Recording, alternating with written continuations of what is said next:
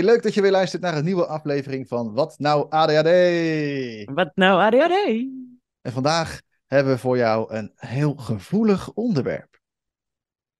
Ja, het is wel een beetje een gevoelig onderwerp. Ik vind het wel een gevoelig onderwerp. Ja, Vrouwen, En mannen. opgelet. We gaan het hebben over mannen. Zullen we zo de hele podcast doen, Marjolein? nou, misschien moet ik de vrouwen nog even toespreken. Jij de mannen even toespreken straks. ja, ja, doe dat maar. Begin maar met de vrouwen. Oké. Nou, vrouwen, we gaan het hebben over mannen en mannen met ADHD. Maar niet alleen mannen met ADHD, maar ook nou, hoe wij in van het gedoe kunnen komen. Met hoe kunnen die mannen nou gewoon niet snappen wat ik bedoel? Dingen. Ken je ze? ik denk het wel. En eh, dat mannen dat dus net zo hebben. Want ik denk dat Bas niet iets heel anders gaat zeggen dan ik. Maar wat ga jij de mannen zeggen? Eh, mannen, we gaan het vandaag hebben over vrouwen. En, en hoe kan het nou dat die vrouwen ons niet snappen? En misschien nog wel belangrijker, dat wij die vrouwen maar niet kunnen blijven slappen. Dat, dat ze maar niet snappen de hele tijd. Eh, ja, ik moet er al lachen als ik er het erover heb. Er komen bij allemaal van die situaties omhoog waarvan ik echt denk van... Hè? Nou, hoe kan dat nou? Hoe zit dat nou in elkaar? Dus vandaag gaan we het hebben over mannen en vrouwen. Met ADHD natuurlijk, in combinatie. Ja, en eh, voordat we verder gaan met deze podcast, wil ik je natuurlijk vragen: eh, like ons eventjes, deel ons eventjes. Als je nu zit te YouTuben of op, waar je dan ook zit, eh, zorg dat je even die like-button klikt. Deel het ook als je het een leuke podcast vindt. Want zo kunnen wij onze boodschap weer verder verspreiden en iedereen op de juiste plek krijgen voor ADHD-hulp waar dat nodig is. en waar dat goed is voor diegene. Want dat is natuurlijk nog veel belangrijker. Mannen en vrouwen, Marjolein. Ja, nou, wat is daarover te zeggen? Hè? Daar is zoveel over te zeggen dat we misschien nog wel tien podcasts moeten maken. Maar we gaan het proberen in één. In eentje. Nou, ik denk dat het nog wel vaker zou terugkomen. Maar dan kunnen we altijd terugverwijzen naar deze podcast. ja, laten we dat vooral doen. Dit is een soort basispodcast. Ja, want eh, mannen en Ja, vrouwen ik, met eh, ADHD. Ja, wij gingen laatst eh, met de, het team, zeg maar, met twee andere vrouwen, gingen we een podcast doen over ADHD en vrouwen. Nou, vervolgens, wat niemand echt vreemd is, schoot ik alle kanten op. Eh, Jij? Nou, dat is echt ongelooflijk, toch? En, eh, en ik moest toch een beetje de structuur in de podcast houden. Want ik was dan, ik had al eerder een podcast gedaan, dus ze gingen toch een beetje op mij. Van, eh, zij houdt er wel de structuur vast. Hoe kon ze dat denken überhaupt? Maar goed. En, ehm, maar waar ik dan tegenaan liep, was ja, is er dan zo'n strikte scheiding tussen mannen en vrouwen? Weet je, kunnen, ja, dat is natuurlijk uiteindelijk niet zo. Maar er is wel, zijn wel van die specifieke dingen die je tegenkomt in relaties waar eh, nou, mensen zich herkennen als vrouw of man. Of, eh, of tussen mannen en vrouwen. Dus er zijn wel verschillen. En hoe ga je het daar nou over hebben? En ik liep daar helemaal in vast. Ja. Hoe kunnen zeggen vrouwen met ADHD? Want mannen herkennen zich daar ook in. Ja, Nou, of je herkent je als vrouw, maar doet je ADHD toch meer op de mannenmanier. Weet je, dat is. eh, Dus ik wilde dat allemaal insluiten. Ja, maar ja, hoe moet je er dan over praten? Nou, dat ging dus niet zo goed. Terwijl ik het wel een hele leuke podcast vond trouwens. Maar ja. we hebben hem niet live gezet nog. Nog. ik heb hem misschien naar mogen deze luisteren. podcast? Erg, hè? Maar goed. Ja, we hebben hem wel toegestuurd, hè? Nee, nee, Dus nee, je nee, nee. Ik heb nog helemaal niks gekregen. Nee, nou, dat komt nog wel. Dat komt nog wel. niet. Nee, nee, nee. Ah. Maar dat is, dat, is, is wel mooi, hè? Dit is ook weer echt weer lekker zo onder de tafel duiken. Hè? Want eh, dan, even een beetje zo, misschien vergeet hij het. Maar dat is niet zo. Gevoelig onderwerp. Gevoelig Podcast onderwerp mannen en vrouwen. Het is Mooi, echt, het schijnt een ding te zijn, ja. Ja, en, en mannen en vrouwen zijn natuurlijk sowieso al heel verschillend. Hè? En ik bedoel, mannen en vrouwen hebben allebei echt een, echt een brein wat anders werkt. Eh, dat is natuurlijk al één ding. Maar en, en we hebben natuurlijk ook nog eens dat we vaak, vaak ADHD op een andere manier eh, doen. Oftewel, onze ADHD komt een stukje anders tot uiting eh, over het algemeen. Maar het is dus niet altijd zo. En daar wordt vaak eh, best wel een beetje een, een, een, tweedeling gemaakt, die dus ook voor heel, mensen, heel veel mensen dus niet klopt.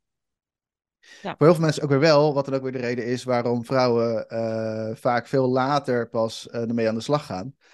Ehm, omdat ze dan pas doorkrijgen van, oh wacht even, hey, ik doe blijkbaar iets wat, wat, wat daarmee te maken heeft. Ehm, Ja. En even een korte recap, zodat het makkelijk praten wordt in, de, in deze podcast, ook voor iedereen. In onze vorige podcast hebben we het gehad over eh, ADD en ADHD. eh, en en hoe, dat, hoe je dat dan doet en wat het dan verschil daar dan tussen, tussen is. En dat is eigenlijk ook meteen het verschil tussen de, de mannen en vrouwen, meneer. Oftewel de ADD-variant. Daar zit eigenlijk ook die H, die hyperactiviteit, die zit er ook wel in, maar dan van binnen. Dat is allemaal heel erg naar binnen gericht. Dus heel erg Ja. dichtzetten, zorgen dat je jezelf weer wat kleiner maakt.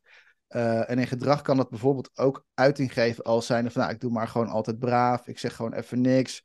Ehm, als ik nou gewoon lief doe, hè, dan komt alles wel goed. De lieve vrede bewaren, ja zeggen, terwijl je misschien nee bedoelt. Komen dat soort dingen komen dan vaak aan de, aan de orde. En dat Ja. is ook wel, zeg maar, echt die, die je filters ook een beetje dicht zitten, niet meer zoveel voelen en daarmee ook je grenzen vaak kwijtraken, omdat je gewoon niet meer weet ja, waar die dan zitten. Dit, dit wordt eigenlijk vaak geassocieerd met hoe vrouwen het doen, ADHD of ADD. En waarom?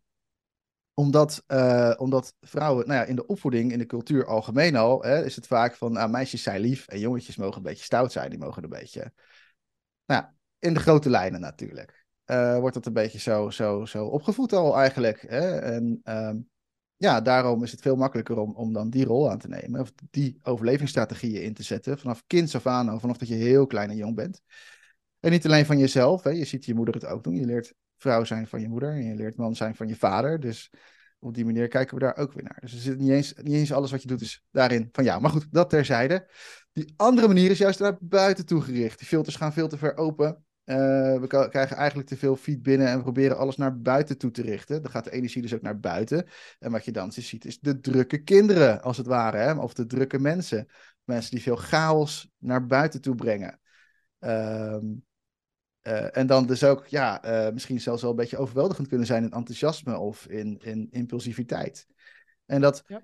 wordt vaak gezien als de manier waarop jongens en mannen ADHD doen. Omdat die sowieso al van zichzelf veel meer naar buiten gericht zijn, mannen. Die zijn veel meer gericht naar de omgeving. Uh, waar vrouwen veel meer naar binnen gericht zijn, naar, naar binnen, naar, niet naar zichzelf per se, maar naar de, de, de, de, ja, hoe zeg je dat, de basisomgeving. Het thuis, het verzorgende stuk wat daarin zit. En mannen juist veel meer in het uh, beschermende stuk wat daarin zit. Dat is naar buiten toe gericht. Ja, ja. Het is ook wel mooi dus, systemisch. Heb je dus ook een plek 1 ja. en een plek 2, hè? Dus de beschermende en de in huis, zeg maar, de, de relaties. Ja, en daar ja. is toch een soort van uh, stempel op gekomen dat, uh, de, van vrouwen achter het aanrecht en uh, dat is hun enige recht, zeg maar. waardoor, waardoor, wat, wat wou ik nou zeggen? Weet ik niet meer. maar het enige, dat, dat, ja, want dit is een hele rare zin. Die heb ik al heel lang niet meer gezegd. Vrouw achter het aanrecht, dat is echt iets wat we vroeger zeiden. Heel vroeger, zeg maar. Ik heb het nog nooit gezegd. Maar, nee hè? Nee, maar dat is natuurlijk pas maar, maar één generatie geleden dat dat echt aan de hand was. Dat de vrouw ja, dat is waar. Ja. achter het aanrecht stond. Sterker nog, in, negen, in, de tijd dat mijn moeder opgroeide, nee, dat is mijn moeder volwassen was, uh, was ze nog niet eens uh, handelingsbekwaam volgens de wet. Dus je mocht geen huis kopen, je mocht geen lening afsluiten. Dat is echt heel kort geleden. Ja. ja. Dus het was 1950 ergens pas of zo dat dat uh, ja. aan de hand was. Dus er zit natuurlijk ook wel een hele rare constructie tussen mannen en vrouwen in de afgelopen eeuwen. Die, uh, waar wij het nu nog een beetje last van hebben, denk ik. Ja, dat die constructie is echt heel leuk. En, ja. uh, Heel interessant ook, die constructie, om te bekijken En- vanuit ons eigen breinen. Want vanuit jouw brein en vanuit mijn brein gebeurt er waarschijnlijk iets heel anders binnen die constructie. Wat nu eh, heel rare dingen met zich mee kan brengen, maar ook wel hele grappige en lachwekkende situaties kan, eh, kan geven.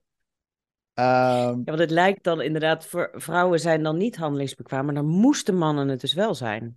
Ja. Dat is ook niet zo makkelijk. Dus daar Nee. is natuurlijk ook pijn en gedoe. Weet je, die, die Ja. balans was gewoon niet goed. Dus dan moet je het als man, moet je het maar allemaal doen en voorleven. En dan moet je maar stoer en sterk zijn. En eh Mhm. dan ga er maar aan staan. Dat is nog een verantwoordelijkheid. Ja, dus dat, het brein. Ja. Ja. Mijn brein doet er iets anders mee dan jouw brein, dat denk ik ook. onze brein En we hebben natuurlijk nog te maken met de hormonen als vrouw. Ja. Dus ehm, behalve dat het natuurlijk ADHD en drukke jongetjes, dat, dat is ADHD en dat het nu pas herkend wordt bij vrouwen. eh, dat, is, dat heeft wel wat leed veroorzaakt, denk ik, hier en daar. Dat het dus niet erkend is. Dus vrouwen gezien en gehoord worden, dat, dat is wel een thema bij de vrouw, denk ik zo. Mhm. En, ehm, en in de, als er kinderen komen, of nou ja, ook in de overgang, dus het hormonale stuk, eh, dan kan het gewoon net te veel worden dat je en al het gedoe hebt met hoofdpijn en buikpijn en ehm, niet meer vruchtbaar, maar eh, iets anders gaan doen, zeg maar. Dat, dat neemt nog wel wat plek in, zeg maar, in je leven. Om dan net nog al die ballen hoog te houden, is niet zo makkelijk. Dat is gek als het over mannen en vrouwen gaat, dat ik het dan nu over ballen heb. dat is dan meteen mijn hoog ja. Want met de leeftijd gaan ze echt niet hoger, weet je. Maar goed. dus uh... ja. Laten we, dus laten we eens beginnen. Ja, ja, dat is ingewikkeld. Laten we gewoon eens beginnen bij, uh, bij het begin. Wat is nou echt een groot verschil ja. tussen mannen en vrouwenbreinen? Wat is er nou echt een groot verschil? Bij iedereen, hè? Dus niet of, of je nou ADD hebt, niet hebt of wat dan ook. Maar wat is nou gewoon een verschil tussen mannen en vrouwenbreinen?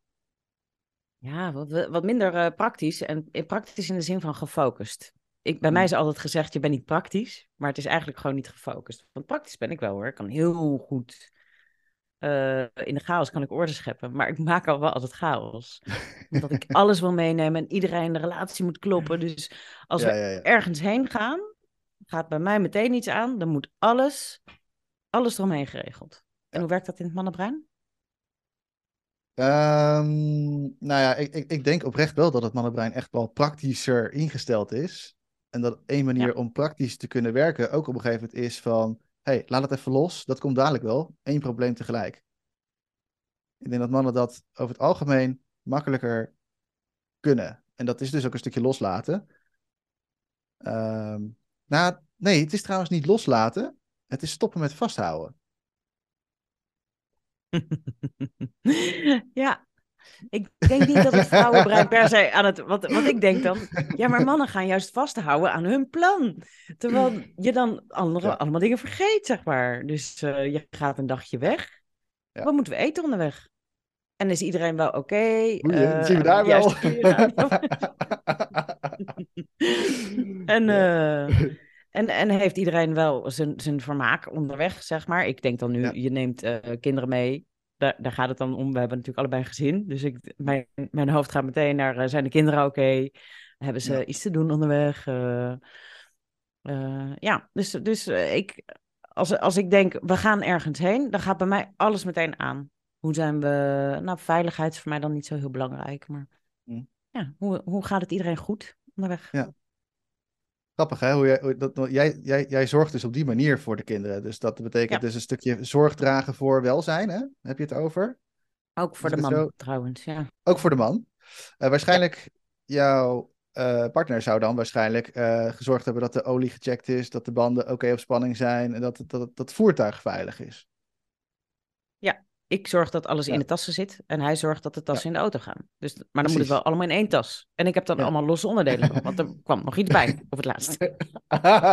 Niet al die losse onderdelen, dan wordt hij helemaal gek. Oh, oh ja, oké. Okay. Maar wat ik even wilde beschrijven namelijk, was een beetje zeg maar... We, we hebben zeg maar van nature hebben we natuurlijk bepaalde functies zeg maar meegekregen. En je moet je voorstellen dat we pas een paar duizend jaar in, in deze fysieke vorm zijn met het brein die we nu hebben... En, en dat we daarvoor gewoon als hele, hele basale functies, zeg maar, hadden. Uh, ja. waar de neocortex, de vrouw... hè? Is er neocortex? Ja. Waar, waar, de vrouw dan dus de, de zorgrol had, als het ware. En de zorgrol is breder dan alleen maar koken. Hè? De, de, de zorgrol is heel erg breed. Dat kan dus ook zijn, inderdaad, overzicht houden over bepaalde situaties. Dat kan ook zorgen dat de kinderen opgroeien. En het kan ook zorgen dat de man uh, hoe zeg je dat? Zijn emotieregulatie goed kan doen, bijvoorbeeld. Hè? Dat is ook zorgen. Uh, het kan ook zorgen dat. dat uh, nou, het kan ook zijn dat als het nodig is, dat, dat ze zorgen voor brood op de plank. Hè? Um, dus, dus zorgen is heel breed. En, en het is natuurlijk altijd een beetje de vraag van waar ligt dan de grens? En daar, daar komen we misschien straks nog wel op. Voor mannen is zorgen niet de primaire is, maar is beschermen is het primaire ding. Hè? Dus die, die zorgt ja. voor de veiligheid. En, ja. en zo zorgt de vrouw voor de man.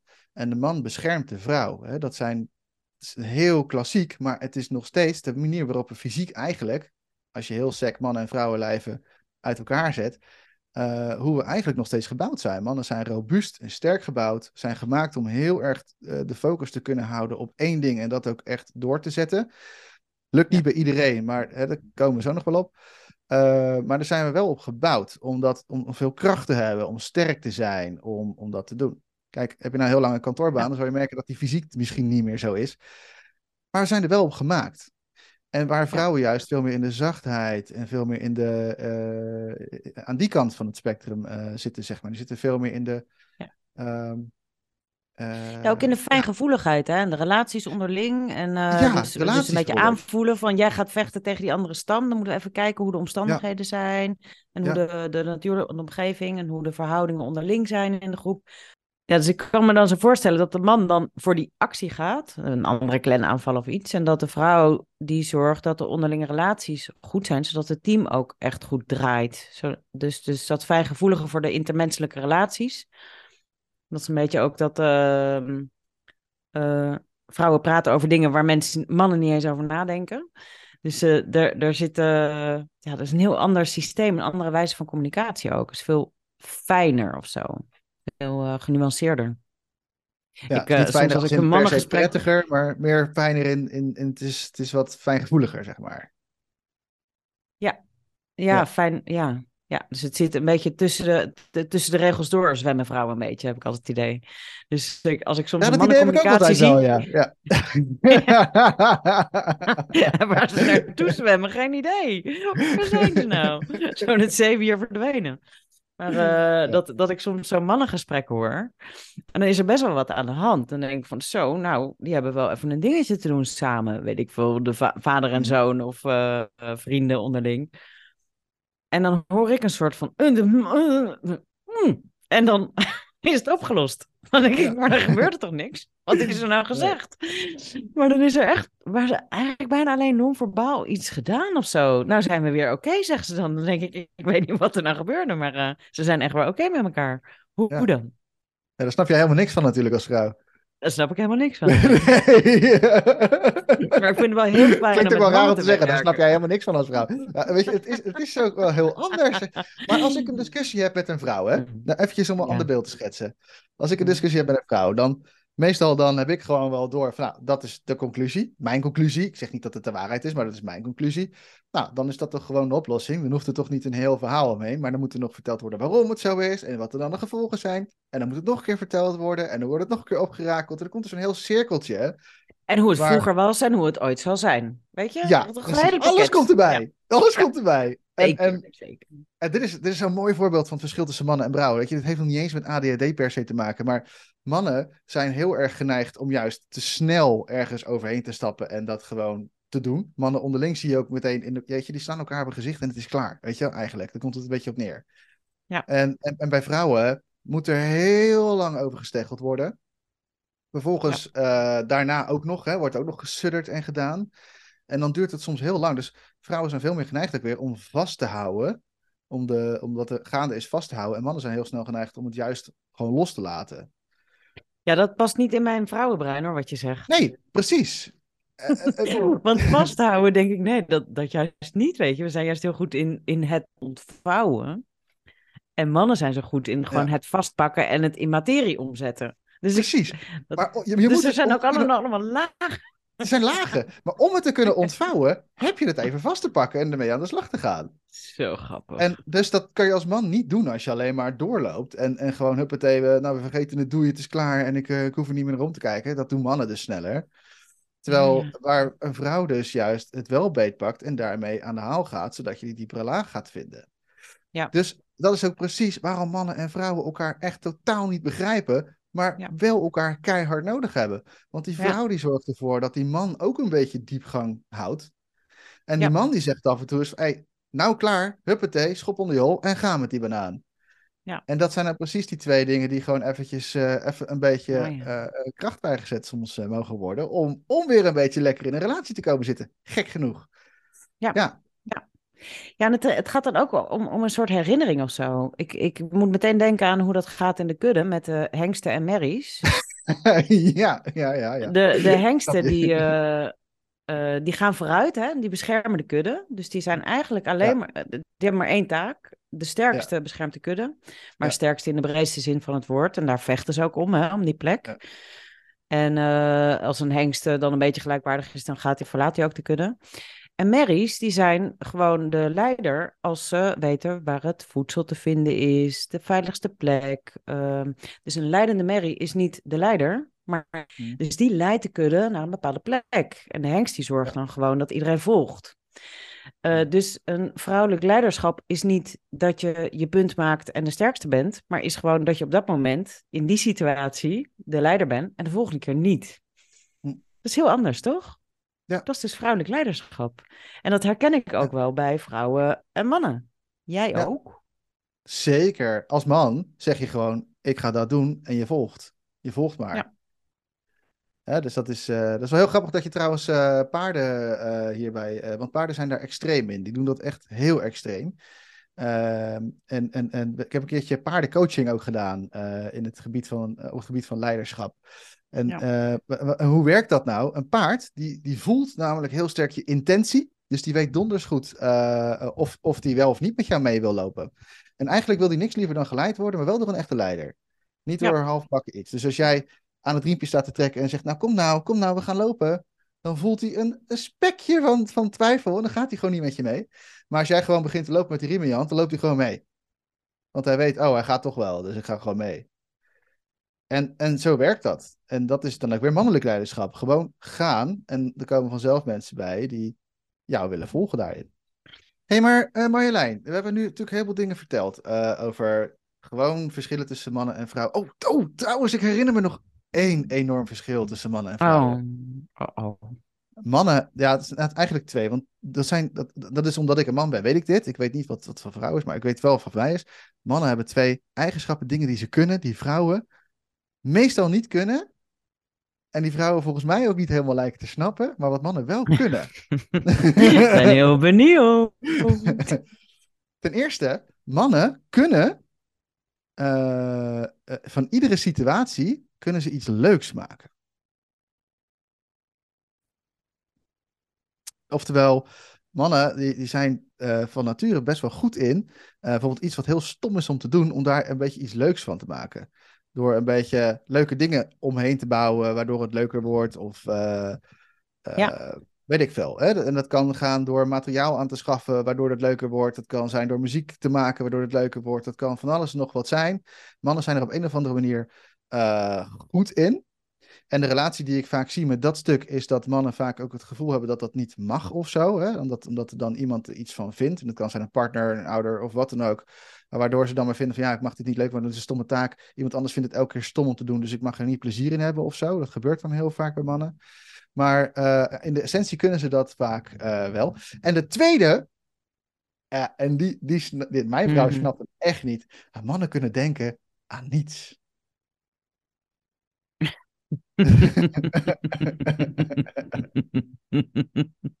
Waar denk je aan? Waar zit je met je gedachten? Nergens. En dat is, en dat is weer zo typisch mannen. Want, want mannen die kunnen gewoon langs de waterkant, wanneer hengel gaan zitten, denken aan niets. En dat kunnen ze uren doen.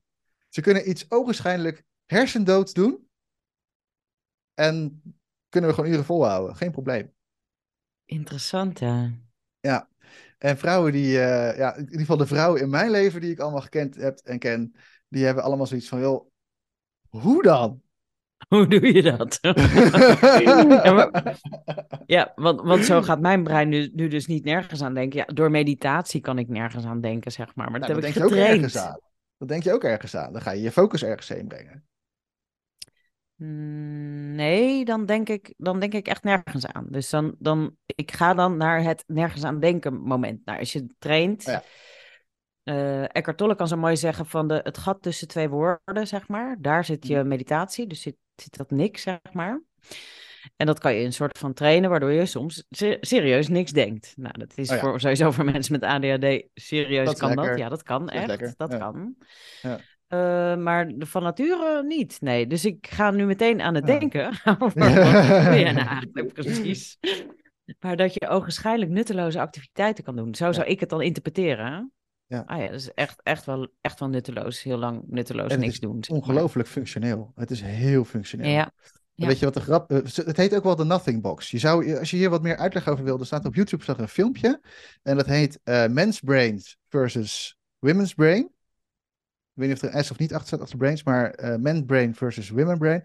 En dan is een oude pastoor, is een oud filmpje. Een pastoor die legt het uit via, een, uh, via twee modelletjes. Het is heel grappig, het is heel leuk. Hij weet het ook op een leuke manier te brengen. En dan heeft hij het dus ook over de Nothing Box. En eigenlijk wat hij dus eigenlijk beschrijft, is dat mannen die hebben dan dus allemaal losse doosjes. En, uh, en, en een daarvan is dan ook de Nothing Box. Dat is zijn favoriete doos. En elke keer als, als er een onderwerp is, dan, heeft hij het, dan, nou, dan doet hij dat doosje open. En dan gaat hij het over dat onderwerp hebben, wat in dat doosje zit. En als hij dan over een nieuw onderwerp begonnen moet worden, moet hij eerst dat doosje dicht doen. En dan gaat hij vervolgens naar een ander doosje. Naar dat onderwerp gaat hij daar vervolgens over hebben. Dat is heel. ik, ik hoor Oh, heel rustgevend. Ik word helemaal rustig van. Oh, wat fijn om dat is te eigenlijk heel makkelijk. Als je zo, als je, tenzij je iemand hebt die alle doosjes tegelijkertijd opentrekt. Hè? Want ik dat, zou alle doosjes tegelijkertijd open. Dus. Dat doen vrouwen. Eh, niet allemaal, maar de vrouwen die ik in ieder geval ken, allemaal, die doen dat. Uh, maar wat een man het liefste wil, is op ieder onbewaakt moment dat de man kan, gaat hij naar die nothing box. Die, die doos waar gewoon niks in zit. Die lege doos. Want dat is namelijk een doos waar hij oplaadt. Dat is een doos waar hij relaxed oplaadt. En misschien herken je dit, hè? Een man die een half uur lang op de wc zit die zit in zijn nothing box. Of in dit geval misschien op de nothing box.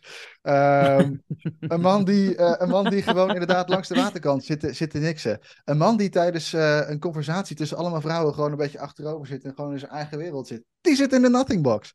Um, want dat is, de, de, dat is waar we het liefste heen willen, omdat we daar opladen. Daar krijgen we weer een beetje, ah, weer een beetje lucht. En, oh, en, wat knettercool, ja. Het is super chill en we mogen er bijna niet in. En dat is het nadeel. Ja. Dus, en want in deze, in deze maatschappij mogen mannen niet zo vaak in hun nothing box. Uh, En zeker als we, als we veel met onze partner zijn. Vrouwen die zitten dus vaak niet in zo'n nothing box. Die, die denken, vrouwen, dat is verschil dan weer vrouwen. Die denken vaak altijd aan iets. Die zijn altijd wel ergens mee bezig in hun hoofd. Is het met emoties? Is het met gedachten? Is het met whatever? Er zit heel veel in. En ja. is een soort van weerwar aan. Alles is ook verbonden met elkaar. Ja. Maar mannen die losse doosjes dan hebben, als het ware. En uh, wij kunnen als mensen alleen maar projecteren op de ander wat we zelf kennen. Dus uh, een vrouw zal op mij alleen maar projecteren dat van al die onderwerpen steeds wisselen. En ik zal steeds projecteren, hey, ga nou even van onderwerp naar onderwerp. Doe het even. hè? Dat, dat, op die manier. Echt, echt hè? En dat geldt ook voor klussen in huis. Hè? Als een man klus krijgt in huis, dat is ook zo'n mooie relatie. De laatste, en dan gaan we door. Um, Bijvoorbeeld, uh, schat, uh, we wonen hier in Zweden, hier hebben we een watervoorziening. Wil jij, uh, wil jij eventjes de watervoorziening checken? Even controleren of dat allemaal nog goed is? Ja, tuurlijk, schat. Weet je, dat hoort bij mijn beschermende rol. Dat is goed, dat doe ik als man en dat is gewoon mijn taak. Ik kan dat, dus dat doe ik. En dan tegelijkertijd, oh ja, en, en, en de doucherand, daar lekt het ook een beetje. Wil je dat even kitten? prima, geen probleem. En, en, en oh ja, en het huis moet ook nog afgebouwd worden aan de bovenkant. Wanneer komt dat nou eens af? Ja, geen idee. Uh, dat staat op een lijstje. Ik ga daar gewoon mee aan de slag. En uh, weet je, ik doe al die dingen. Hè? Dus ik, ik, dat, is, dat is wat de man uiteindelijk ook wil doen. Hè? Die wil dienen. Die wil de vrouw als het ware dienen in dat opzicht. En als ik dan precies doe wat de vrouw vraagt, dan gebeurt het nog wel eens dat er gezegd wordt: Ja, had je nou niet even de aanvast kunnen doen? oh, zo erg. uh, of, uh, of ook zo leuk, hè? Van, uh, wil, je even de, wil je even de was eruit halen? Nou, is goed, haal ik de was eruit. En dan vraag ze later, had je niet even erin kunnen doen? Dat is niet wat je hebt gevraagd. het is gewoon een opdracht. En dan voer ik het dat echt ontzettend specifiek op die manier. Want, 1 plus 1 is 2. Ja. 1 plus 1 is gewoon 2. En dat is die praktische manier van denken. Die, die, ja. Waarvan ik, ja, we noemen dat praktisch. Maar ik vind dat dan, het is hokjes van, oké, okay, dat valt daar binnen.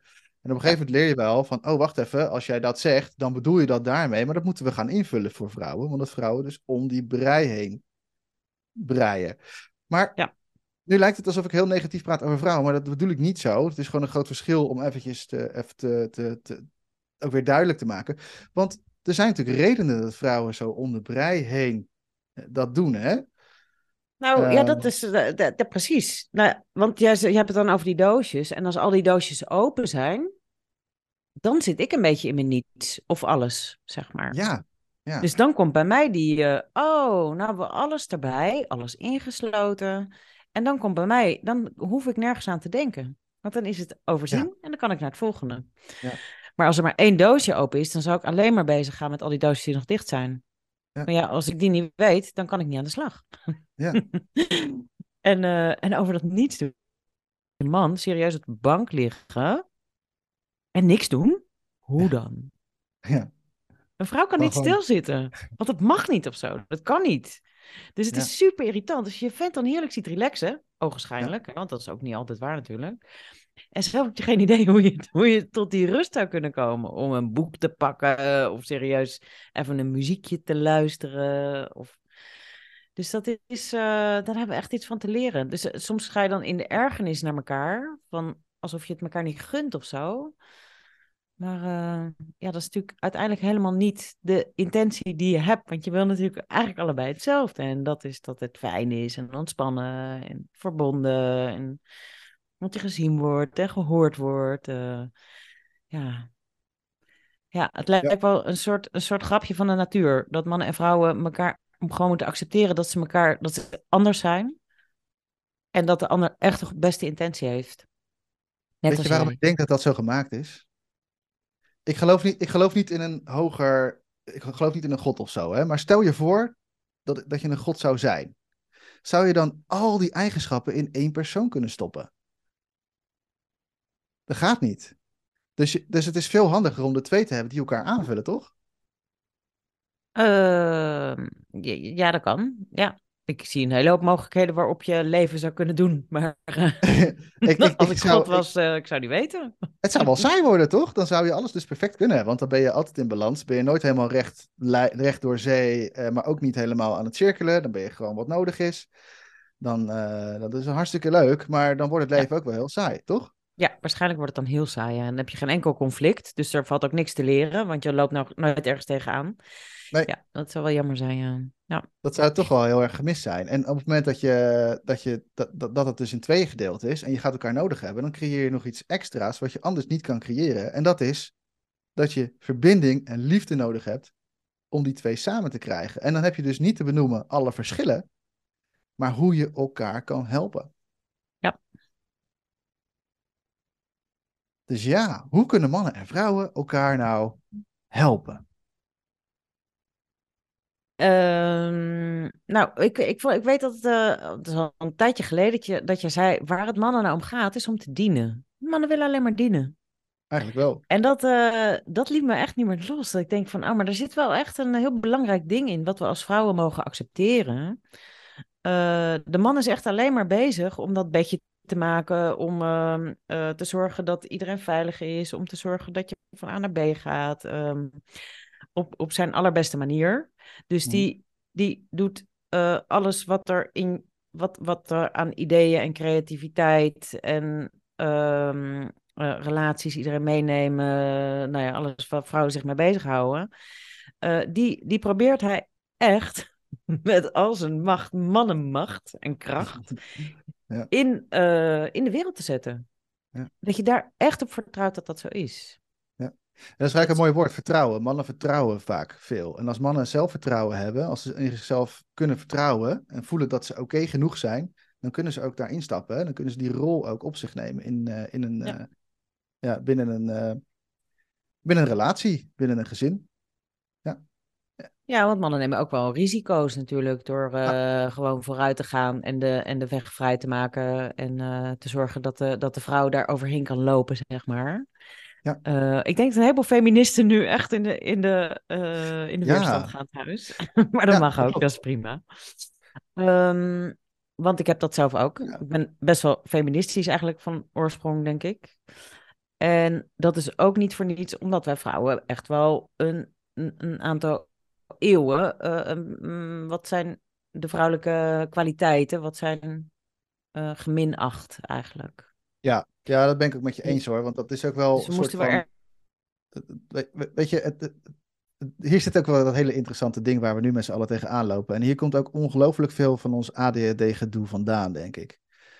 Um, weet je, er was op een gegeven moment uh, uh, is, is, is de bom een beetje gebarsten. Hè? Het was klaar. Weet je, vrouwen waren het wel zat uh, om constant alleen maar te, te, worden gezien in het huishouden en achter het aanrecht. Wat ik helemaal begrijp, want dat, ja, Weet je, als, als dat alles is waar je leven.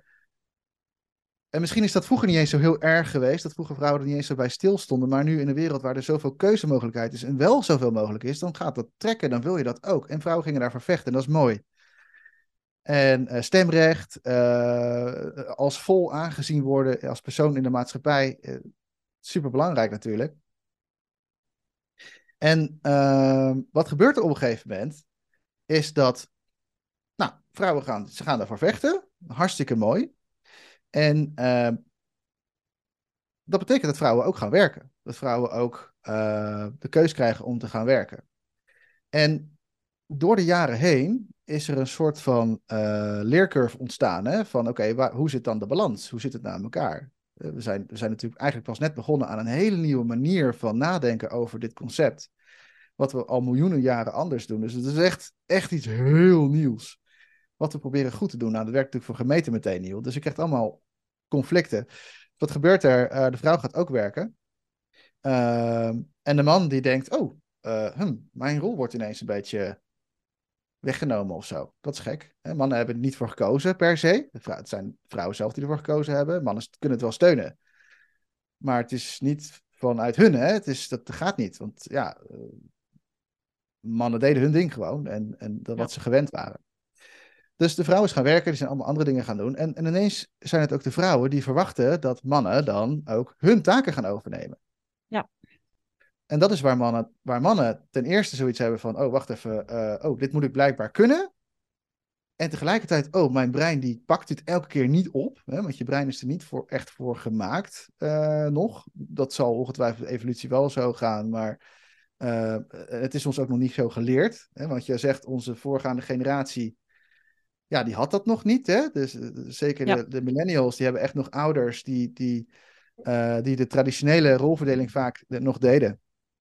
Ja. Ook niet allemaal natuurlijk. Het is heel gegeneraliseerd, wordt nu verteld. Maar het is natuurlijk wel in de grote motor wat een beetje gebeurt. En uh, mannen die staan een beetje langs de zijlijn te kijken van ja, wat gebeurt er allemaal?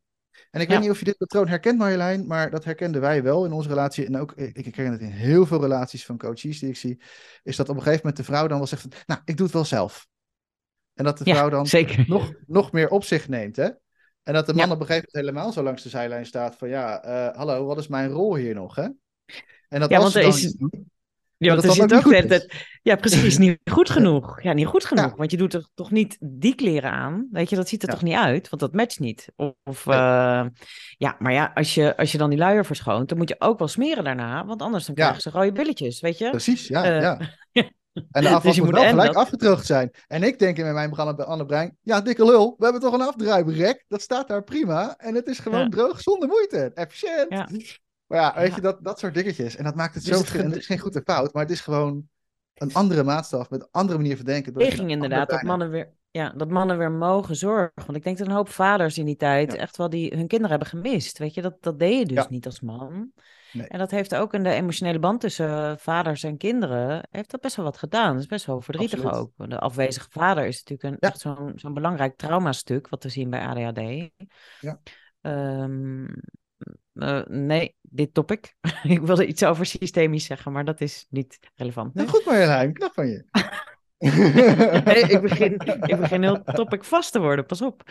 Ja. En um, uh, nee, en ik denk dat vrouwen het, het, gewoon niet goed genoeg vinden wat mannen doen. Ja, in de verzorging van de kinderen. Van dat is mijn terrein. Dus, dus je voelt dat gewoon vanuit. Ja. ja, het is gewoon niet goed genoeg wat je doet. Ja. Ik, ik weet niet of dat altijd zo is, maar ik weet Terwijl... wel dat. Nee, dat, dat, dat, dat, er wel heel vaak. Een... Ja.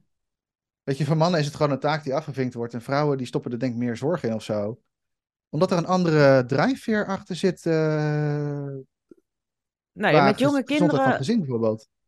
Ik denk dat, uh, dat, dat het ook biologisch zo is. Dat met jonge kinderen vrouwen echt een beetje aan de beurt zijn. Dus dat wel echt hun expertisegebied is, zeg maar. Om alles te overzien, ja. veilig te houden, de, de relatie aan te gaan, die intimiteit. Vrouwen voelen dat uh, ook anders dan, dan, ja. dan mannen. Ja. En dan, en dan worden ze een jaar of twaalf en dan gaan ze een soort voor het eerst uit huis, zeg maar. Ja. Dan gaan ze naar de middelbare school. En dan komt de vader echt aan bod in zijn mannenkracht. Want dan Ja. ga je je kind de wereld in helpen. Dus dan ga je die autonomie stimuleren. Ja. Dus je moeder zegt, je bent veilig, je kan verder met het kind de wereld in. Dat is biologisch eigenlijk wat er gebeurt. Dus je wordt een man, je, mannelijke hormonen. En eh, ja, dan heb je het niet meer zo bij je moeder te zoeken. En een meisje gaat ook wel met de vader mee. Want een, een vader helpt een kind ook de wereld in, zeg maar. Dus je Ja. moeder helpt je in de wereld te komen. en je vader helpt je over de wereld. Over de wereld te navigeren, zeg maar. Ja. Ja. Ja. En hoe doe je dat nou? Hoe doe je dan, hoe doe je dan je leven? Ja. Wat ik ook nog wel. ehm, eh, over, over het hele vrouwenstuk. Ik zat laatst een uh, interview te luisteren met Suzanne Smit. Die heeft heel veel onderzocht over de tijd van de heksenverbranding, de heksenjacht. Uh, en dat daar vrouwen elkaar dus gingen verraden om een uh, strafvermindering te krijgen. Ja, daar is onderling bij vrouwen ook zoveel leed ontstaan, zoveel Hmm. wantrouwen. En dat merkte ik dan weer in het bedrijfsleven, dat wanneer vrouwen samenwerken, mannen kunnen veel beter dan elkaar steunen. En vrouwen zijn een beetje argwanend naar elkaar. En zij verklaarde dat doordat we dus ooit ergens in onze niet heel ver weg geschiedenis trouwens, uh, zo'n systeem hebben gehad onderling als vrouwen. Ja. Dus vrouwen zijn ook een beetje uit elkaar getrokken. En dat herkende ik zo in het bedrijfsleven ook. Ja. Ja. Is dat off-topic? Nee, is misschien niet off-topic. Nee, helemaal maar is- niet. dat, eh. dat is wel een hele, hele aparte, apart verhaal. Het, het raakte Ja. mij wel toen ze dat zeiden. Ik denk van, oh, maar dat, dat zit natuurlijk heel diep. Die heksverbranding was natuurlijk zo crazy. Ja, Als je je mond Nou ja, opendeed als vrouw, dan werd, die, dan werd je, ja, dan, dan was het gevaarlijk. Want dat was de duivel, zeg maar, weet je. Ja.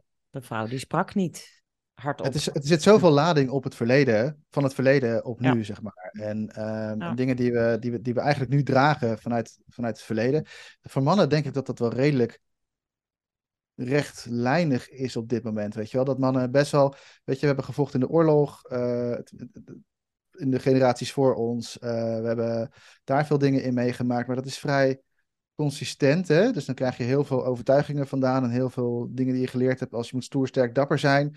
Je moet altijd klaarstaan, paraat zijn. Je zorgt voor de veiligheid van je gezin en je zorgt dat er brood op de plank komt. Dat, is dat soort dingen komen er dan vandaan. Het gaat natuurlijk veel breder dan alleen dat. En ik denk dat als mannen dat weer weten te vinden van zichzelf en vrouwen eh, het ook weer weten van, te vinden van zichzelf wat voor hun de juiste balans is.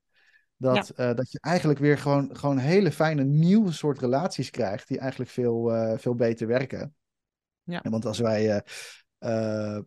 wel grappig, hè? Want ik ben, voordat wij naar Zweden gingen, mijn vrouw en ik, zijn wij naar relatietherapie geweest. Niet omdat het nou zo slecht ging, maar we zijn echt een intensief weekend relatietherapie. Gewoon puur omdat we hier van elkaar afhankelijk zijn. En eh, zeker in het eerste jaar heb je geen vrienden, geen kennis, geen familie hier. Dus je- we willen gewoon sterk staan. Dus we willen gewoon, we willen gewoon Ja. nog sterker staan. En daar leerden we echt dingen, jongen. Dat ik echt dacht, oh, dit zijn zulke mooie inzichten. Daar kan je zoveel mee doen. ja.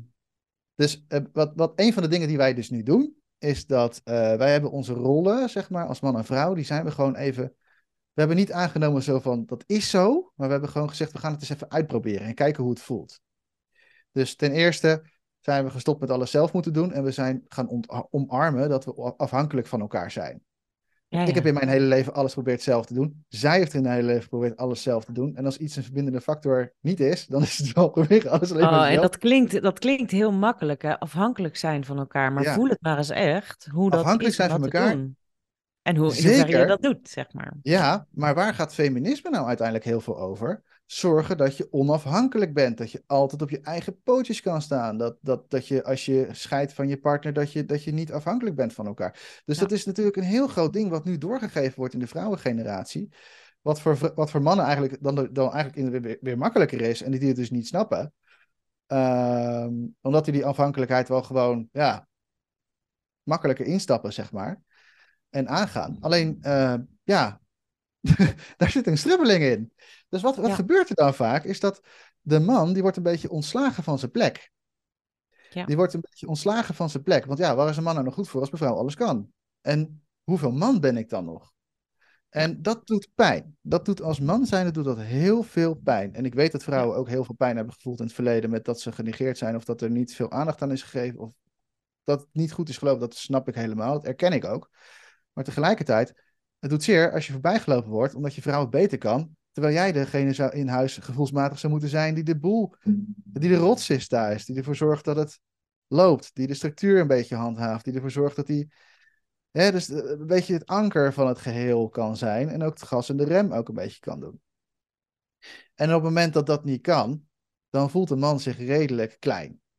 En ja, als hij dan ook steeds hoort dat hij dingen niet goed doet en dat het niet goed gaat en dat hij, dat hij niet kan voldoen, ja, op een gegeven moment dan wordt hij steeds stiller en stiller en stiller. En gaat steeds minder doen ook waarschijnlijk. En gaat steeds minder doen. Komt steeds minder op gang. Hè? Want elke keer als hij ook maar denkt van, oh, ik moet nu iets doen, dan voelt hij al alles wat pijn kan doen daarna. Dus dan gaat hij net als ieder ander mens, dan hoef je niet een man of vrouw te zijn, maar gewoon als ieder ander mens, ga je gewoon je zenuwstelsel onder spanning zetten. En ga je die freeze, fight, flight. En dan heb je mannen die zeggen, ja, oké, oh, dat ga ik doen. En die gaan heel erg op hun tenen lopen en die gaan proberen alles te managen. Wat natuurlijk nooit lukt, want het is te veel om te managen. Wat van jezelf is en van je partner. En ook nog eens van je kinderen, bewijs van. Uh, maar je gaat, uh, of je gaat helemaal dicht en je, ja, er gebeurt helemaal niks meer. En je komt niet meer op gang. Ja. En dit krijgen we niet alleen met onze partnerrelaties, ook met onze ouderrelaties. Hè, want, uh, want daar begon het al. Daar zit het al. Hè? Dus, dus je, je ziet dat al gebeuren daar. En je ziet hoe je vader het oplost als man zijnde. Dus nou oké, okay, dat is een, iets wat al geïnstalleerd is in je brein, waar je er makkelijker heen gaat. Onbewust natuurlijk. Ja. Uh, en je ziet uh, van, van vrouwen ook van ja, zo hoort het blijkbaar. Dus, dus ze stoppen het ook niet meer. Er zit ook geen halt meer in, zeg maar. En uiteindelijk wat je nu dus ziet, is een hele grote toename van gestreste vrouwen. Burn-outs en weet ik het allemaal niet. Maar ook heel veel mannen die zich gewoon ondergesneeld voelen door ja, gewoon het leven en gewoon niet meer weten, die, geen, geen kordate keuzes meer kunnen maken. Uh, ja. Geen knopen meer kunnen doorhakken. En, en, en, en daarmee dus dat hele ADD-stuk eigenlijk bij twee kanten ook gewoon heel goed is te zien. En, Met name in uh, depressiviteit, of uh, in, waar, ja, wat ze bij veel, mannen zien. Ja. ja, heel veel depressiviteit en verdriet. ja. Heel veel, en dat uitzicht dan vaak in woede en boosheid. En dat komt dan of echt naar buiten, of het komt, gaat intern gaat het vastzitten. Waardoor je dat het interne woede krijgt. Ja. Maar het is een wisselwerking van deze twee. Want wat gebeurt er nou? Wat gebeurt er uiteindelijk niet? Wat er niet gebeurt, is dat de man zijn rol niet pakt of afdwingt. Soms is dat gewoon nodig. En dan heb ik het niet over geweld, absoluut niet. Maar afdwingen, daar bedoel ik mee. Hey, nou is het klaar. Dit ga ik nu doen. Hè? Dus Ja. gewoon, dit is wat ik doe. Punt. Ja. Soms Ja. even die muur neerzetten van klaar nu. Hè? Dat is wat, wat mannenenergie, wat het inhoudt. En voor vrouwen is het ook leren weer vertrouwen op dat de man ook echt wel weet wat hij doet. En of leren vertrouwen dat die man, als die in zijn rol wordt gezet, ook weer gewoon gaat leren hoe dat werkt. Want Ja. dat kunnen ze. Mannen kunnen dat gewoon weer leren. En daar heeft de vrouw wat ruimte voor te geven. Ja. En in onze eigen ervaring kan ik je vertellen dat dat een van de moeilijkste dingen is die er is. Dus daar denk ik niet al te licht over. Uh, Ja. Maar die ruimte weer Ja, en dat je, als, dat je als vrouw ook inderdaad mag, eh, mag bedenken van ik mag de man nodig hebben. Dus dat, Ja. je, je mag weer helemaal terug naar de andere Ja. kant van ik mag afhankelijk zijn. Dat je niet, niet eh, financieel en eh, nou ja, de hele riedel waar, eh, waar vrouwen op een gegeven moment niet aan mochten komen. Maar je mag ook gewoon afhankelijk zijn en, en denken van nou, als een man mij beschermt, nou fijn, weet je. Fijn dat, Ja. dat hij dat doet. Ja. Dat, wat, wat liefdevol, dat hij de deur voor me open houdt. Omdat hij gewoon even goed wil zien dat ik goed de deur door ga, zeg maar. Ja, dat is Ja, dat, in eh, mijn generatie vrouwen is dat, ja, dat eh, eh, werden mannen een beetje om uitgelachen zelfs. Ja. ja. Als ik dat doe, mijn vrouw zegt, oh wat leuk dat je, wat lief en attent dat je dat doet. Maar dat is nu. Maar tien jaar geleden lachten ze me erom uit. En dat ben ik dus niet meer gaan doen. Ja, eigen schuld, dikke bult. Ja. Hè, dus zo werkt het ook. Dus het is ook Ja. een beetje van wat straal je uit, wat geef je aan de ander voor wat diegene voor jou doet of niet doet. En eh, in de essentie, in de essentie zijn er, heb ik dan geleerd, ehm, eh, heb ik geleerd dat de vrouw, en dan mag jij me op eh, corrigeren, want dat weet jij beter dan ik, dat vrouw heel veel liefde nodig heeft, als in voelen dat ze er mogen zijn en voelen dat ze oké zijn, maar ook vooral heel veel geliefdheid voelen. En de mannen, die krijgen dat dan vaak wel van de vrouw, maar die willen eigenlijk juist respect. Want dat is hoe mannen relaties in elkaar zitten. Dat gaat over respect. Dat heeft niet over liefde te Ja. maken, vooral over respect. Ja. Eh, als ik iets verkeerd doe, dan wil ik dat je dat respectvol tegen me zegt. En niet in, nou, dat had je wel even anders mogen doen, hè?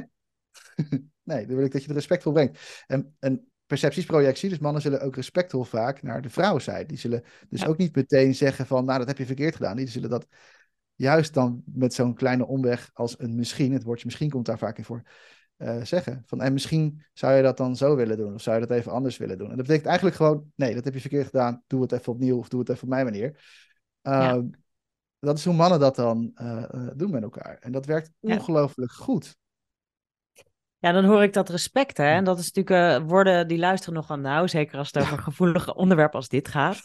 Dus ja, hier gaan we vast wel op respect. horen, Marjolein. Ik ben echt heel benieuwd. En, eh, want jij zegt dan respect. En dan denk ik dat bij sommige vrouwen dus ook respect aangaat. Van ja, maar hoe respectvol wordt er met ons omgegaan? Dus alleen ons lijf wordt Ja. gekeken als er grenzen worden overschreden. Dus het is, eh, het is niet makkelijk om dit soort gesprekken echt te voeren. Want ik voel natuurlijk de goede intentie. En wij ja, snappen dat van elkaar. En we hebben het daar ook wel vaak over gehad natuurlijk. Ja. Ehm, en en eh, ik zit eh, eigenlijk met name in de modus, maar dat is ook mijn coachmodus, maar sowieso hoe ik naar mensen kijk. Ik mag gewoon echt ehm, er oké mee zijn dat ik het gewoon niet snap. Dus dat ik niet snap Ja. wat jij precies met respect bedoelt. Maar ik kan wel proberen om Ah. in dat woord te zoeken naar hoe is dit nou echt voor jou? En Ja. dat is volgens mij wat we te doen hebben bij elkaar. Als mensen, Ja. maar ook zeker ook als mannen en vrouwen naar elkaar. Dus, en jij luistert ook echt naar mij en respecteert mij ook echt. Dat Ja. weet ik ook. Dus respect is dan ook minder belangrijk, zeg maar. maar eh, maar eh, nou ja, de, de aandacht, geduld. Ik denk dat dat wel is wat vrouwen echt heel fijn vinden. En, en Ja. dat, dat ik er toe doe, zeg maar. Dat, het, dat ik er Ja. ook toe doe. Dat is natuurlijk waar de, waar de vrouw echt in, eh, in, de, in de ziel geraakt is, zeg maar. Van ik doe er dus kennelijk niet meer toe. Weet je, ik mag Ja. verdwijnen en onzichtbaar zijn. Ja. Want alles wat ik in te brengen heb, al mijn mooie vrouwelijke eigenschappen, Ja. dat, dat doet er dus niet toe. En dat is Nee. wel een, eh, een vrouw eh, kwetsuren, denk ik. Nou, Ja, ja, dat snap ik ook. Ja. de mannen, die krijgen, het, het lijkt een soort, als je het, als je het, oh, gaat mijn microfoon. Als je het op een soort metaniveau bekijkt, want dat doen we natuurlijk wel, hè. Dat, ehm, dat, dat, dat het bijna een wraakactie lijkt. Zo, nou mogen de mannen even voelen hoe dat is als je er niet meer toe doet. als je mannelijke Ja. energie er niet meer toe doet. Dat, lijkt, Ja. dat het haast omgedraaid lijkt, ja. Dat is heel is ook- onaardig. Het voelt heel naar. Een soort van, eh, een soort van systemische schuld. Hè? Er zit schuld zit er ook achter. Hè? Van, Ja. Er wordt ook de schuld gegeven aan mannen. Je hoort ook heel vaak dat eh, ehm, eh, eh, mannen die verdienen meer. Mannen zijn, en dat is allemaal fout en dat is allemaal verkeerd. Maar dat is maar 1%. Want de meesten verdienen eigenlijk heel weinig. En die doen allemaal handklus, handarbeid dingen vaak. Hè? Heel veel mannen die zijn, dat zijn de bouwers eh, hier. Dus die zijn super belangrijk mannen. Maar dat kunnen ze niet zonder vrouwen. Ja. ja, en kijk nou eens even naar de generatie, want we hebben zonen ook, hè? Allemaal. Wij, onze generatie heeft ook zonen. Ja, jij hebt dochters dan toevallig, maar ik heb ook zonen, wel Ik meerdere mag pas, eh, als ze twaalf zijn, eh, mag ik pas aan de bak, uh, Marjolein. Ja. En die zonen, die gaan dus met alles wat ze gehoord hebben en geleerd hebben over wat mannen allemaal verkeerd hebben gedaan, dus met die hele mannenschuld, moeten die ook weer naar school gaan en studeren en een baan hebben. Ja. En, en dan, dan kijk ik naar wat er dan nu gebeurt in het onderwijs, hoe ontzettend veel jongens eraf haken en hoeveel meer meiden eraf studeren. Ja. Is dat dan ook eh, dat die jongens een soort boodschap hebben meegekregen, of dat die het even niet meer weten? Dat, dat we het daarin ook kunnen zien en van ik weet het ook gewoon niet meer. Wie moet ik nou zijn? Ja, nou ja, in de praktijk eh, ervaar ik wel een hoop stuurloosheid onder, onder, eh, onder jongens, onder mannen. Ja. Absoluut. Eh, ze gewoon niet meer weten waar ze, waar ze nou eigenlijk voor staan, voor wie ze zijn, waar ze eigenlijk voor zijn, überhaupt. Wat ze nog toevoegen aan de, aan de hele maatschappij. Daar zijn ze naar op zoek. En dat kan je heel makkelijk natuurlijk weer terughalen. En, en dan kan je weer op zoek naar gaan. Dat, je, dat, dat is allemaal mogelijk. Maar het zit er in de kern, zit het er vaak wel al, al vanaf jongs af aan in. En Ehm, leg het eens naast elkaar, weet je. Eh, leg nu eens die lijn van vrouwen en die lijn die nu ontstaat bij mannen, is naast elkaar. Wat je krijgt is twee lijnen die allebei niet meer om hulp vragen. Ja. Die eigenlijk allebei eh, ja, het gevoel hebben dat ze niet voldoende zijn en nog harder moeten werken, nog meer moeten doen. Waarvan de mannen niet meer weten hoe. en waarvan de vrouwen eigenlijk alleen nog maar zien wat nog meer kan. Hè? Dus het is, het is een beetje. eh, en, en, het, en, het, en het wordt een overweldigend iets als, we, als hier geen verandering uiteindelijk in gaat komen. En dat gaat uiteindelijk vanzelf wel komen, maar dat gaat nog generaties Ja, natuurlijk. Ja.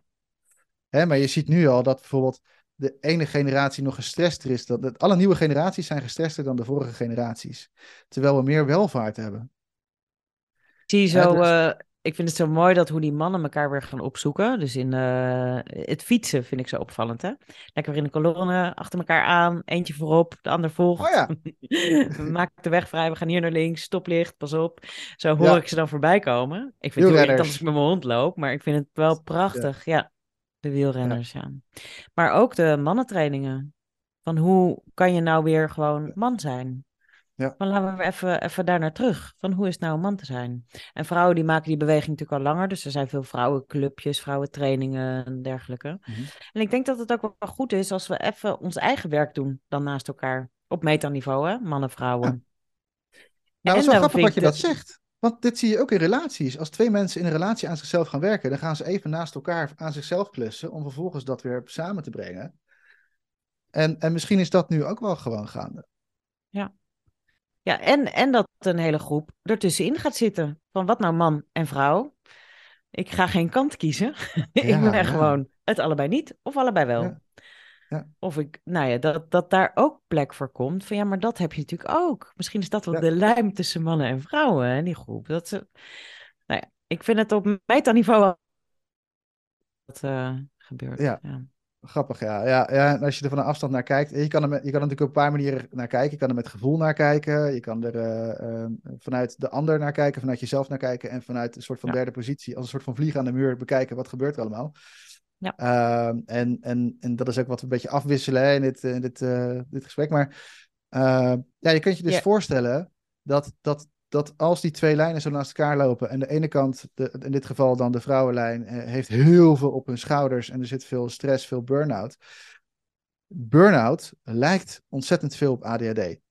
De symptomen zijn bijna hetzelfde. Er zitten dezelfde eh, dingen in. Het gaat allebei over een autonoom zenuwstelsel wat onder, over de zeik is. Ehm, en ehm, ja, weet je dus. En, en bij, de, bij de mannen zie je dus dat die. Ja, dat, dat, dat. Hoe zeg je dat? Dat ik doe er niet meer toe dat stuk heel erg toeneemt. En dat is dan. Dat ga je ook weer zien in ADHD-gedrag. Eh sommigen moeten een hele grote mond opzetten om nog een beetje het gevoel te hebben dat ze gezien worden. En sommigen die. Ja, die kwijnen een beetje weg. En dat is allebei. Kan je dat scharen onder ADHD-gedrag? Ja. Hè? En, en, ehm, dus, dus daar zit ook heel veel in. Ja. Dus, eh, en dat wil niet per se zeggen dat het dan niet meer meteen ADHD is of zo. Hè? Dat is aan jou hoe je dat wil beschrijven thuis. Eh, dat mag je natuurlijk zelf eh, bekijken. Ik zelf zie ADHD vooral als een heleboel gedragingen die we dan geschaard hebben onder ADHD als een soort verzamelnaam. Omdat ik dat zo zie. Maar goed, dat is aan jou. Ja, en dat ik- geldt voor ik- vrouwen ook. Ja, Ja. ja. je, doet, je, doet, je doet je, zoals ik het zie inderdaad met de burn-out en de bore-out, je doet eh, je burn-out of bore-out op een ADHD-manier of op een, nou ja, noem welke psychiatrische aandoening dan ook, zeg maar, als we het daarover hebben. Je hebt gewoon je bepaalde weg die je kiest om het op te lossen, om dat evenwicht te herstellen. Ja. En eh, ja, En we zitten nu gewoon in een Dus ik- enorme leercurve met z'n allen. Een enorme leercurve. We zijn bewust onbekwaam in deze nieuwe manier voor ons voor een relatie samen doen. En ja. ja, hoe ga je dit nou oplossen, weet je wel? Met je brein waarvoor je gewired bent. Ja. Uh, weet je, je kan niet van mij verwachten, als man zijn, dat ik ga denken als een vrouw. Kan niet. Nee, het, en- je, kan het, ja, je kan het verwachten, maar je zal altijd Ja. teleurgesteld worden. Hè? Want mijn Ja. brein is niet zo. Het, het is niet, gewoon niet hetzelfde gewired. En ik kan ook niet als man gaan verwachten dat jij gaat denken als een man. Als Ja. vrouw zijn. Gaat niet. Nee. Nee. En, en eh, ja, ik denk dat het echt begint bij accepteren dat je, dat je de ander gewoon niet helemaal kan volgen. En dat dat prima is. En dat, dat jouw manier niet de enige weg is. En weer te leren vertrouwen op de andere manier, dat dat echt aanvullend is. Man en vrouw vullen elkaar aan. Ja. En in elke relatie zal de balans dan ietsje anders zijn in mannelijke en vrouwelijke energie, denk ik. Maar dat is eh, prima. Ja, waar je je in herkent, zeg maar. Ja. Want ik eh, nou, je begon een beetje de podcast met inparkeren. Ja, nou, dat kan ik dan toevallig heel goed, weet je. Dus dat gaat het niet over dat soort dingen. Dat is ook zo En volgens mij alle vrouwen met ADHD. volgens mij ze kunnen alle vrouwen met ADHD heel goed auto rijden. Dus dat is wel interessant. Maar eh, dus, dus in de de meeste ongelukken heeft gemaakt bij ons thuis? Eh, ik denk jij. Ja, ik, ik heb echt eh, iets van zes, zeven auto's in mijn leven gecrashed. Ja, Ongelooflijk, hè? Ja. Ja, ja. Dus het is, eh, ja, het is ook maar net waar je in herkent. dat maar is me- de meesten zullen wel, we zullen wel overwegend de vrouwenkant en de mannenkant herkennen. En dat kan echt net zo makkelijk omgedraaid zijn. Dat de man meer de vrouwelijke Ja. energie draagt en de vrouw meer de mannelijke energie. Of twee stellen, vrouwen hè? of twee mannen in een relatie. Ja. Je zet het Ik ook een beetje aan en uit. Ja. Waarvan de, man, waar- waarvan de man echt een soort van de zorgtaak heeft. En, en alleen maar heel erg met de kindjes en heel erg. ehm, nou ja, eigenlijk alles wat je vroeger een vrouw zag doen, dat doet dan de man. Ja, maar sommige mannen die hebben dat ook gewoon meer. Sommige die hebben dat, en gaat dat, dat eh, gaat dat, is dat stuk gewoon niet zo aan. En dat is En dat is ook prima. iets hormonaals, denk ik. Ja. Het, het zou best kunnen. eh, ja, en, en het is ook gewoon. Het is ook gewoon. Weet je, dus het hoeft ook helemaal geen oplossing fix te hebben. Of het is geen probleem eigenlijk ook gewoon. Want dat is ge- gewoon zo dan.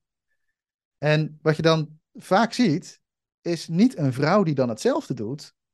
Maar nee, een vrouw die dan precies het tegenovergestelde doet. Een vrouw die juist dan ook weer de rots gaat zijn, de, de, de, de, de leider Ja. is in, in, het, in het gezin en zo. Die dan de kar trekt in dat opzicht, zeg maar.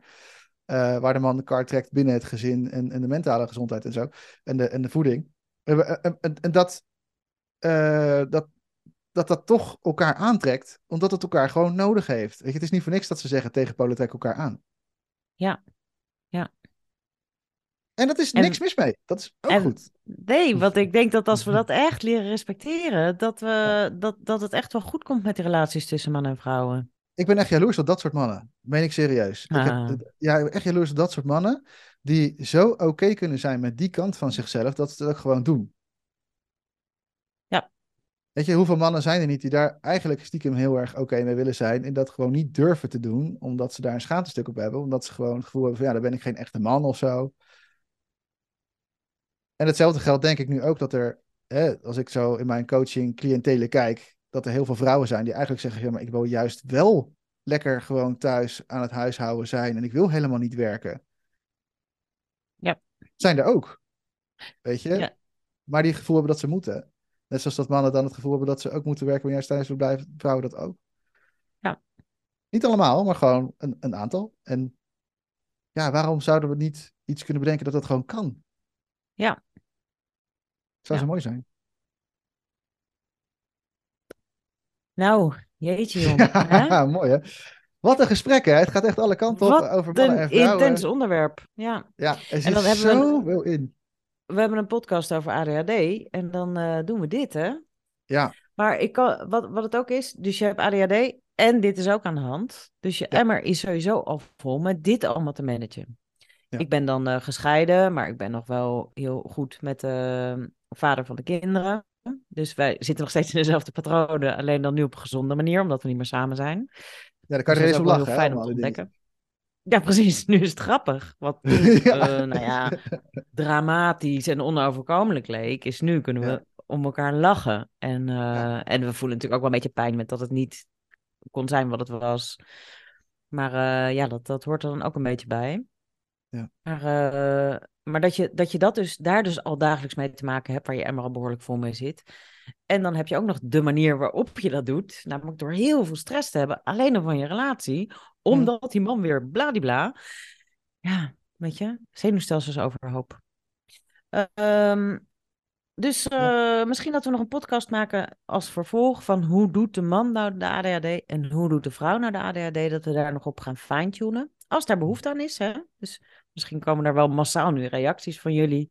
Dat jullie denken, luisteraars, eh, het is... eh, Hoe durf je te praten over vrouwen, Bas? En hoe durf je te, vragen over, te praten over feminisme? En eh, ja, dat is wel grappig, hè? Want als, zodra het over feminisme gaat, dan wordt er al een soort van enkels in het zand gezet van oeh, dit is een, dit is een topic die we niet zomaar moeten aanraken. Oh, maar ik voel het zelf ook. Ik voel het zelf dan, Ja. en dan denk ik van nee, luisteren, nee, dit, is niet, dit gaat niet over mannen en vrouwen. En dus er wordt bij mij ook echt wel. Ja. Dus ik kan me voorstellen dat dat bij vrouwen ook zo is. Alleen het helpt je gewoon helemaal niet. Want het helpt, Het helpt helemaal niet om het, eh, te nee. denken dat een man je iets aan. Ik. Niet? Nee. nee. En gedachte eh, als, ik, als ik ga praten over, over wat, wat voor onrecht er in de geschiedenis ook aan vrouwen is aangedaan, dan is dat, ja, dat gaat natuurlijk niet per se over mij, weet je. Ik ben gewoon in een hele vrije maatschappij, vrije opvoeding gehad, opgegroeid. Ik heb alle kansen als vrouw. Mhm. Dus, eh, ja, dus waarom ga ik dan zo aan? Dat vind ik ook wel bijzonder. Ja, grappig. ik heb het niet zo aan ik had- gehad. Ik ben laatst ook eh, in een andere podcast te, gat, te gast geweest. eh, in, eh, met Blauwe Ogen heet dat, die podcast. En daar heb ik ook een stukje verteld over dit stuk hè, van, van, van, dat, van dat stuk van nou, dat, hè, dat, dat vrouwen op een gegeven moment voor hun rechten op gingen komen. Wat heel goed is. En dat we nu een beetje aan, het- aan het oefenen zijn. Met hoe, hoe, hoe werkt dat, die balans? Ehm, en ehm, ja, daar heb ik toch wel wat reacties op gekregen. Ook van ja, goh gast, eh, wat, wie denk je dat je bent? Maar Oh, tegelijkertijd, echt? ja, maar tegelijkertijd is het, is het een constatering van een afstand. eh, van iets wat je, wat je wel waar kunt nemen van een patroon wat gebeurt in de maatschappij. Hè, dus je, dus, maar heel veel, heel veel mensen en zelfs grote omroepen en zo blijven er allemaal van weg, van dat onderwerp, omdat ze bang zijn voor negatieve reacties. Maar ik denk juist dat als we dit soort dingen nou eens bespreekbaar maken met elkaar, en zeker met elkaar in een relatie, Ja. dat je er juist ontzettend veel informatie uit kunt halen waar je ongelooflijk veel mee kan. Want het zegt namelijk iets over wat heb je nodig, wat wil je eigenlijk. Ja. Ja, daar gaat het over. Hè. Feminisme is een woord wat een negatieve lading soms heeft. Maar uiteindelijk is het een woord wat zegt: hé, hey, we, we hebben iets nodig en we gaan ervoor strijden. We gaan ermee aan de slag. Ja. En, en, en, en oké, wat zit erachter? Wat willen ze dan? Wat willen we ermee? Wat, wat, wat willen jullie bereiken? Wat kunnen wij je geven? En tot hoever kunnen we daarin gaan? En, ja, de feminisme had natuurlijk een hele, hele zinvolle rol, want er moest, er Absoluut. moest natuurlijk echt een omkering komen. Dus dan moet er eerst iets heel heftigs zijn, zeg maar met de seksuele revolutie in de jaren zestig. Ja. Eh, was dit ook gewoon nodig? Want het is, als je terugkijkt, nou daar, daar zou ik me echt over kunnen opwinden als we er een podcast over maken. Dat raakt natuurlijk gewoon. Dat je denkt, mijn moeder was gewoon niet, werd niet handelingsbekwaam geacht. Ja. Daar ben Hoe ik voor dan? opgevoed. Ja, dat is natuurlijk niet te snappen. Medicatie, alleen op mannen getest, niet op vrouwen. Vrouwen hartaanval niet herkend. Maar alleen maar mannen. Nou, weet je, Ja. er, er is een hele lijst op te noemen waar alle vrouwen echt nog van zou- zouden kunnen stijgen. Maar Ja. dat is niet in het hier en nu. Weet je, dat het feminisme heeft het doel gehad om daar een evenwicht in te brengen, het bespreekbaar te maken. En nu zitten we hier. Weet je, als mannen Ja. en vrouwen samen. En dan gaan we gewoon stil zijn en echt luisteren naar hoe we elkaar zitten. Dat zou Ja. mijn boodschap zijn. Wauw. En dat alles dan mag. Ja. Ook En mannen, als je niet dat betekent dus ook echt voelt. even. Dat betekent voor mannen dus ook gewoon even luisteren en niet, eh, en niet eh, doorrammen met. Nou, dat doe je toch gewoon zo, dat doe je toch gewoon zo. Want dat is echt man eigen, hè? Gelijk in oplossingen Ja. komen. Eh, hoeft niet. Dat kunnen ze zelf. Je hoeft alleen Ja. maar vragen te stellen. Ja. Geïnteresseerde vragen stellen. Ja, het is interessant hoe meer je aan jezelf werkt en daar ook de ruimte voor geeft, dat je zelf gewoon ook niet zo goed luistert altijd naar de man. Weet je, dat je, alle, Ja. hoe meer je kan insluiten, hoe meer contact je ook krijgt met die mannelijke energie van de ander. En hoe meer je die ook kan insluiten, waardoor er... Ik heb, ik heb eigenlijk nooit meer echt gedoe of zo over mannen en vrouwen dingen met mannen en vrouwen. Nee. Ik ben ook een vrouw de overgang, hè? dat scheelt alweer. ik hoef ook niet meer nou biologisch beding te doen. ja, dat is ook echt anders, ja. ja, ja. ja, ja. Ja, kan ik er veel relaxter in zitten natuurlijk. Ja. Ja, hey, en hebben we dus nu een heel groot stuk gehad over het systemische stuk ook weer. Hè? Dus echt het verleden, hoe we dat meenemen weer naar de toekomst. We hebben daar natuurlijk al eerder een podcast over gemaakt. Ehm, eh, over, eh, over, over systemisch kijken naar ADHD, hè? Heet, heet die podcast. En dat is ook, eh, ook wat je meeneemt van, van toen. En er zit dit ook gewoon ook voor een deel in. Ja. We hebben het gehad over het verschil tussen brein, werkelijk breinwerking. En hoe dat dan niet matcht met elkaar, met wat we meenemen vanuit het verleden naar het nu. Hè? Dus dat is eigenlijk eh, ook weer waar we heel veel ADHD-gedrag vanuit zien eh, ontstaan. En heel veel Ja. relatiestrubbelingen er zijn. Ehm, ja, nou, we hadden eigenlijk nog, eh, geloof ik, 26 andere dingen waar we het over wilden hebben. Maar ik denk dat het Ja, wel genoeg is, Marjolein. Het is wel een natuurlijk einde, ja. Ja. Ja, ik vind het wel mooi zo, want het is echt veel. En ik denk dat we hier nog heel veel meer over gaan doen. Heb jij nou een vraag? En heb jij het idee van, hey, goh, hoe zit het dan tussen mannen en vrouwen met, weet ik veel, met hormonen, met seks, met, eh, met gedachtegangen, eh, met opvoeding? Eh, eh, hoe zit dat nou? Hoe werkt dat nou een beetje? En, en zou je het leuk vinden om daar eens een podcast over te horen? Laat het ons dan even weten. Je kunt ons op heel veel verschillende manieren bereiken. Je kunt natuurlijk gewoon een comment geven op, op een van onze posts. Je kunt bij YouTube kun je, onder kun je reageren. Maar je kunt natuurlijk ook gewoon een mail sturen naar contact apenstaartje adhdmasters.nl. En ik besef me net dat ik weer apenstaartje zeg. Dat heb ik lang niet gezegd. Dat was in de jaren negentig was dat zo. We zijn gewoon ook een beetje terug in de tijd gereisd, denk ik. En verder Dus- ook qua coaching, hè. Coaching, dat is ook, eh, kom, kom je voor coaching eh, en denk je van, nou, een relatie is, is er ook wel van alles aan de hand. het is zo helpend vaak om mensen even inzicht te geven in jouw ADHD-brein, jouw partner. Ja. Omdat dat al, uh, al zoveel kan brengen. Uh, weet je, het is echt geen onwil. Ik, ik, ik, het is echt niet dat ik, dat ik het niet wil doen voor jou. Maar uh, ja, ik functioneer gewoon een beetje anders. En dat, uh, tussen, dat, ja. dat, die, ja. dat je die dan lekker meeneemt in een sessie. En dan. Uh, ja, kan gewoon. Ja, dat kan allemaal. Oké. Okay. Het zijn leuke, leuke sessies altijd. Ja. ja, zeker. Heel helpend ook. Ja. ja. Oké, okay, nou. Mooi. Hey, wij wensen jullie natuurlijk een hele mooie dag. En ja, ik zou zeggen. ga er eens over nadenken. Wie weet heb je er wel wat aan. En misschien ook helemaal niks. Laat het ons ook even weten. Laters! Doei!